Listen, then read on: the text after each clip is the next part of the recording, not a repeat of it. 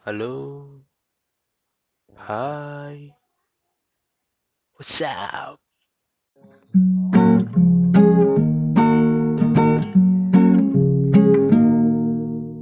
Oke semuanya, selamat datang di rumah kecil.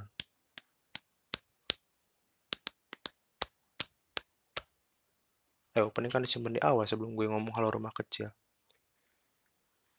Oke, jadi hari ini gue sendirian. Yang lainnya nggak bisa datang karena ada keperluan.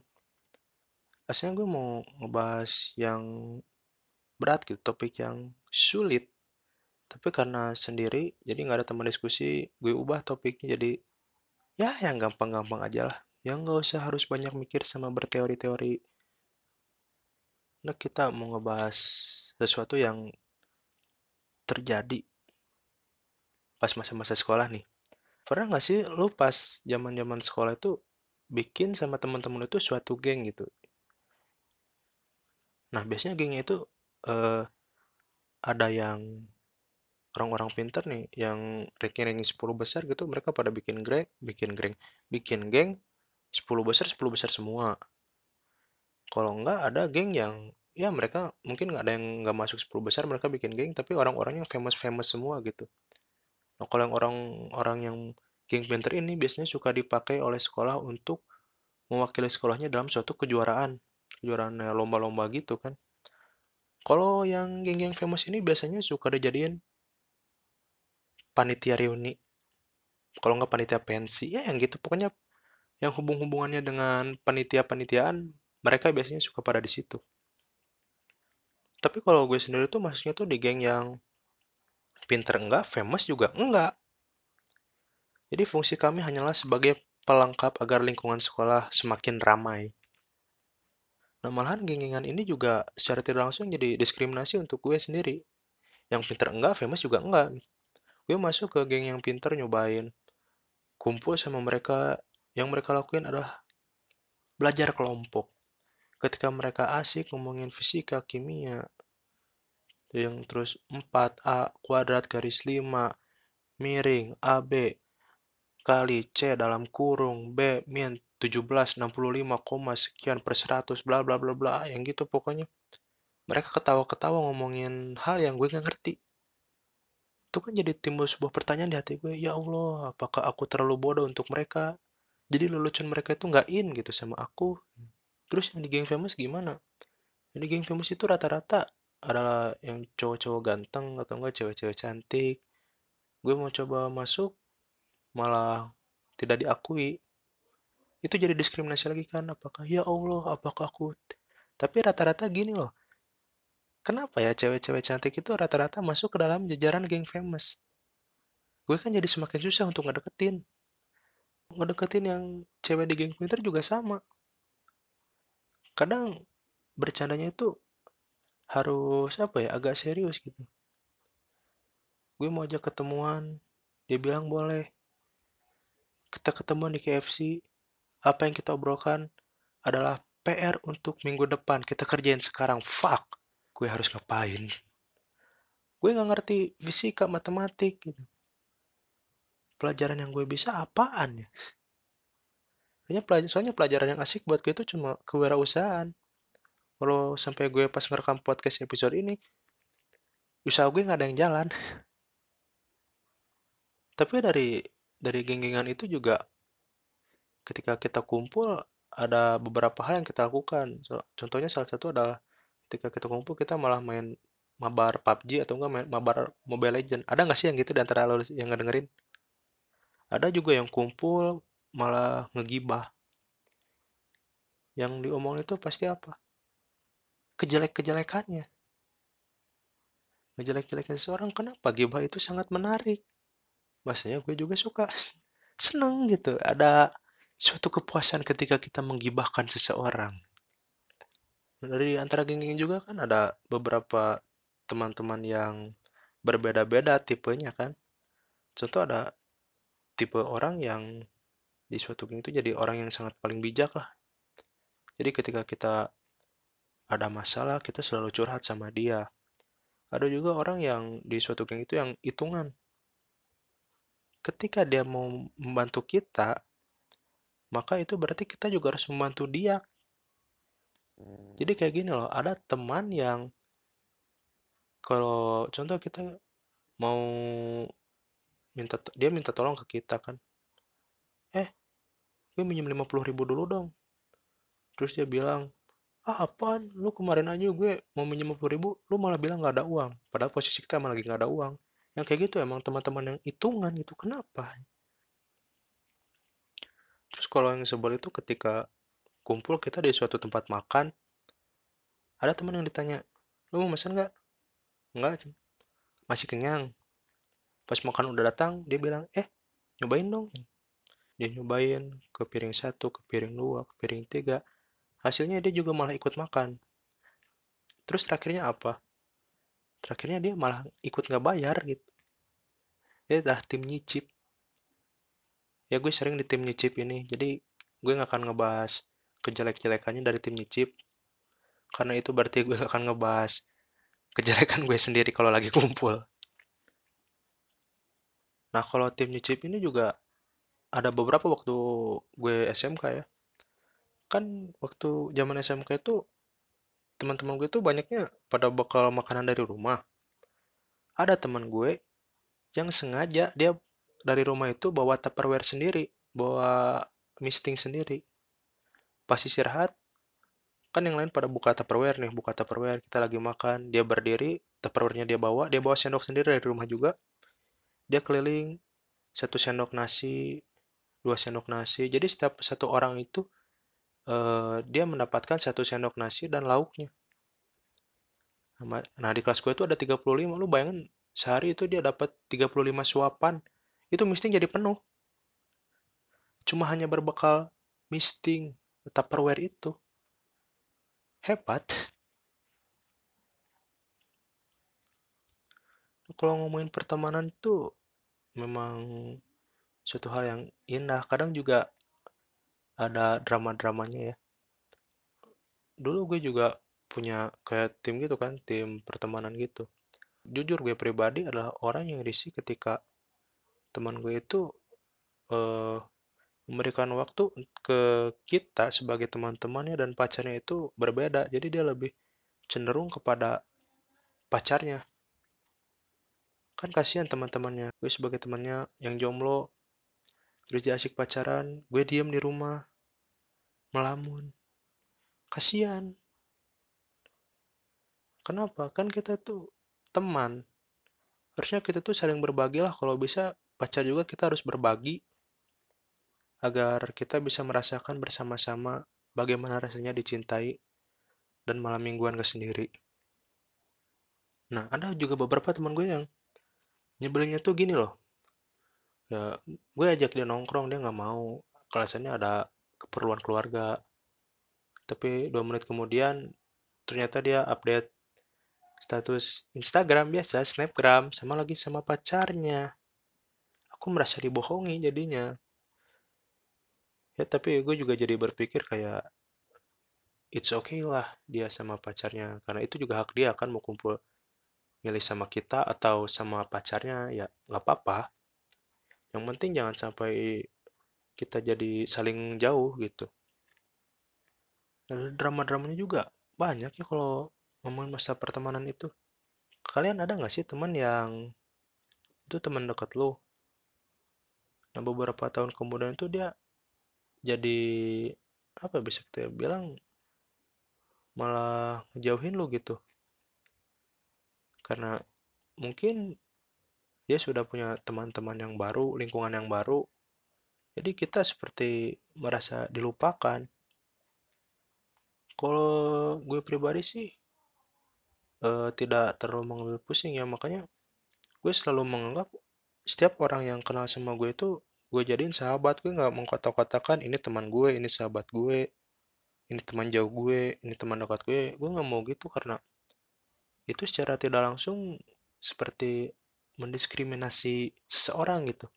Dengan lingkup sahabat dan teman mengkotak-kotakannya itu jadi sebuah diskriminasi kalau menurut gue ya. Karena kalau pendapatku itu gini loh. Kayak contoh eh, ini contoh doang ya. Gue dekat sama Chelsea Islan contoh. Gue nganggap Chelsea itu adalah sahabat gue.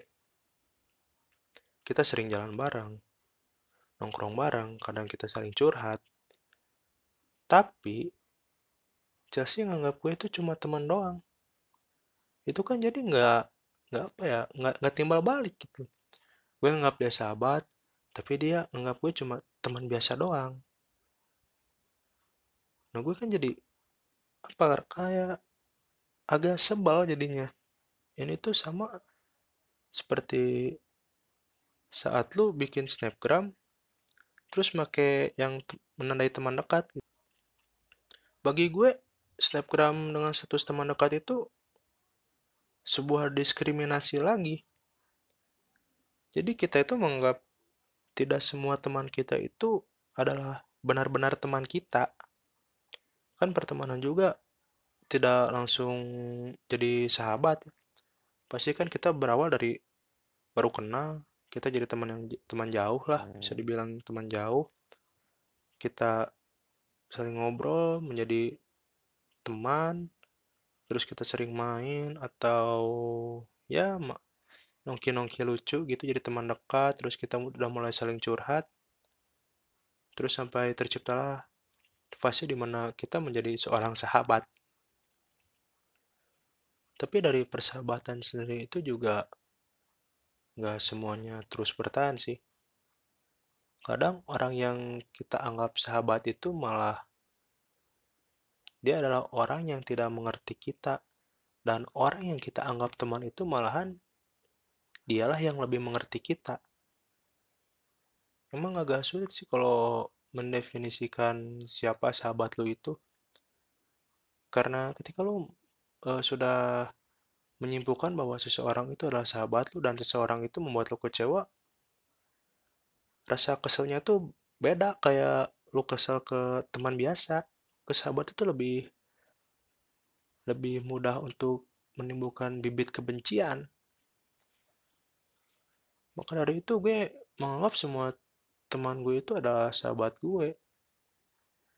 Jadi gue juga terbiasa untuk ya saling jujur lah. Karena saling jujur dalam suatu hubungan persahabatan juga diperlukan loh kalau misalnya lu lu kesel sama sahabat lu terus lu pendam sendiri karena alasan ah nggak apa-apa lah dia, dia kan sahabat gue. Terus lu pendam terus ada masalah yang kedua lu pendam lagi masalah ketiga. Kalau lu pendam terus tanpa lu kasih tahu ke orang itu lama kelamaan akan menjadi bom waktu buat lu sendiri ketika masalahnya semakin besar lu tahan dan ada sedikit percikan masalah yang membuatnya meledak maka otomatis masalah-masalah yang dulu-dulu itu akan lu beberkan kembali gitu dari A sampai Z-nya itu. Nah, dari situ malahan kalau dia nggak nerima, lu bakal nggak jadi sahabat lagi. Makanya kita itu jangan apa ya bisa dibilang jangan punya suatu geng yang lu mikir itu sahabat lu dan lu cuma punya satu gitu. Cobalah mencari geng yang lain juga.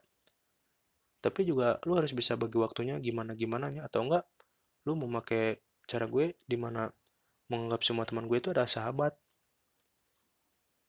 ya mungkin juga itu bisa menjadi bukan menjadi sih lebih tepatnya membantu membantu biar lu nggak nggak merasa sakit hati ketika dihianati seseorang ketika dikecewain gitu. Bukan dihianati sih dikecewain. Terus juga nih kalau ketemu teman-teman yang udah lama nggak ketemu itu juga jadi suatu kesenangan tersendiri kan. Kayak contoh nih sahabat lu waktu masih SD terus lu ketemu lagi udah tujuh tahun berlalu lu baru ketemu lagi kan senang banget gitu.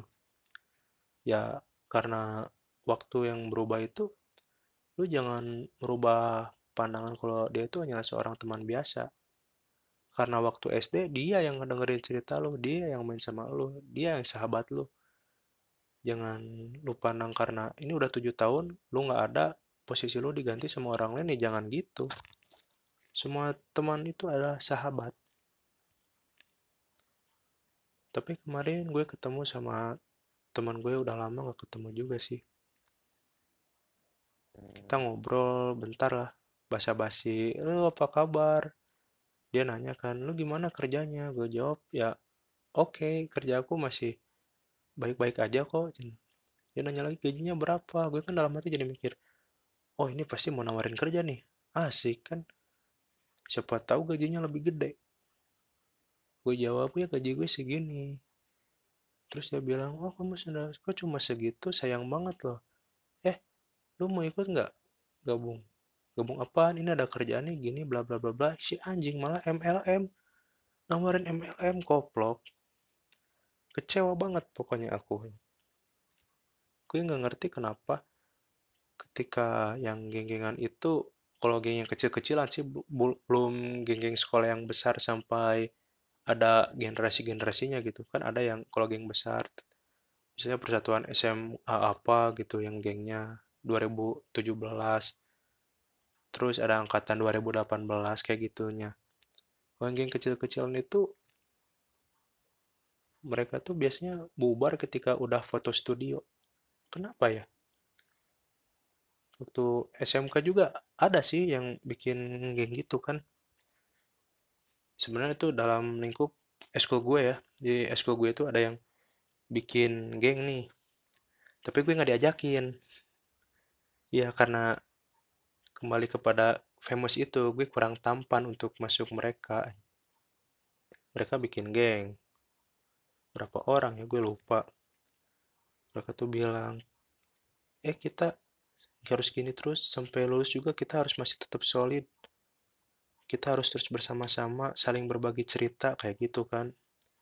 Terus mereka foto studio satu tahun kemudian mereka bubar. Emang tai banget foto studio. Janganlah jangan foto-foto studio. SMP juga pada gitu anak-anaknya semua. SMK geng lainnya pun sama. Makanya di geng gue juga ada yang ngajakin foto studio gue bilang ah oh, enggak deh karena gue takut bubar. Nah jadi cobalah terima yang teman-teman dekat lu tuh lu anggap sebagai sahabat lu juga. Karena ada suatu quote menarik nih tentang sahabat. Seperti apa sih sosok sahabat itu dari seorang tokoh yang sangat terkenal? Kalian pasti tahu siapa tokohnya. Dia suka bikin quote-quote bagus kok. Quote-nya tuh gini loh.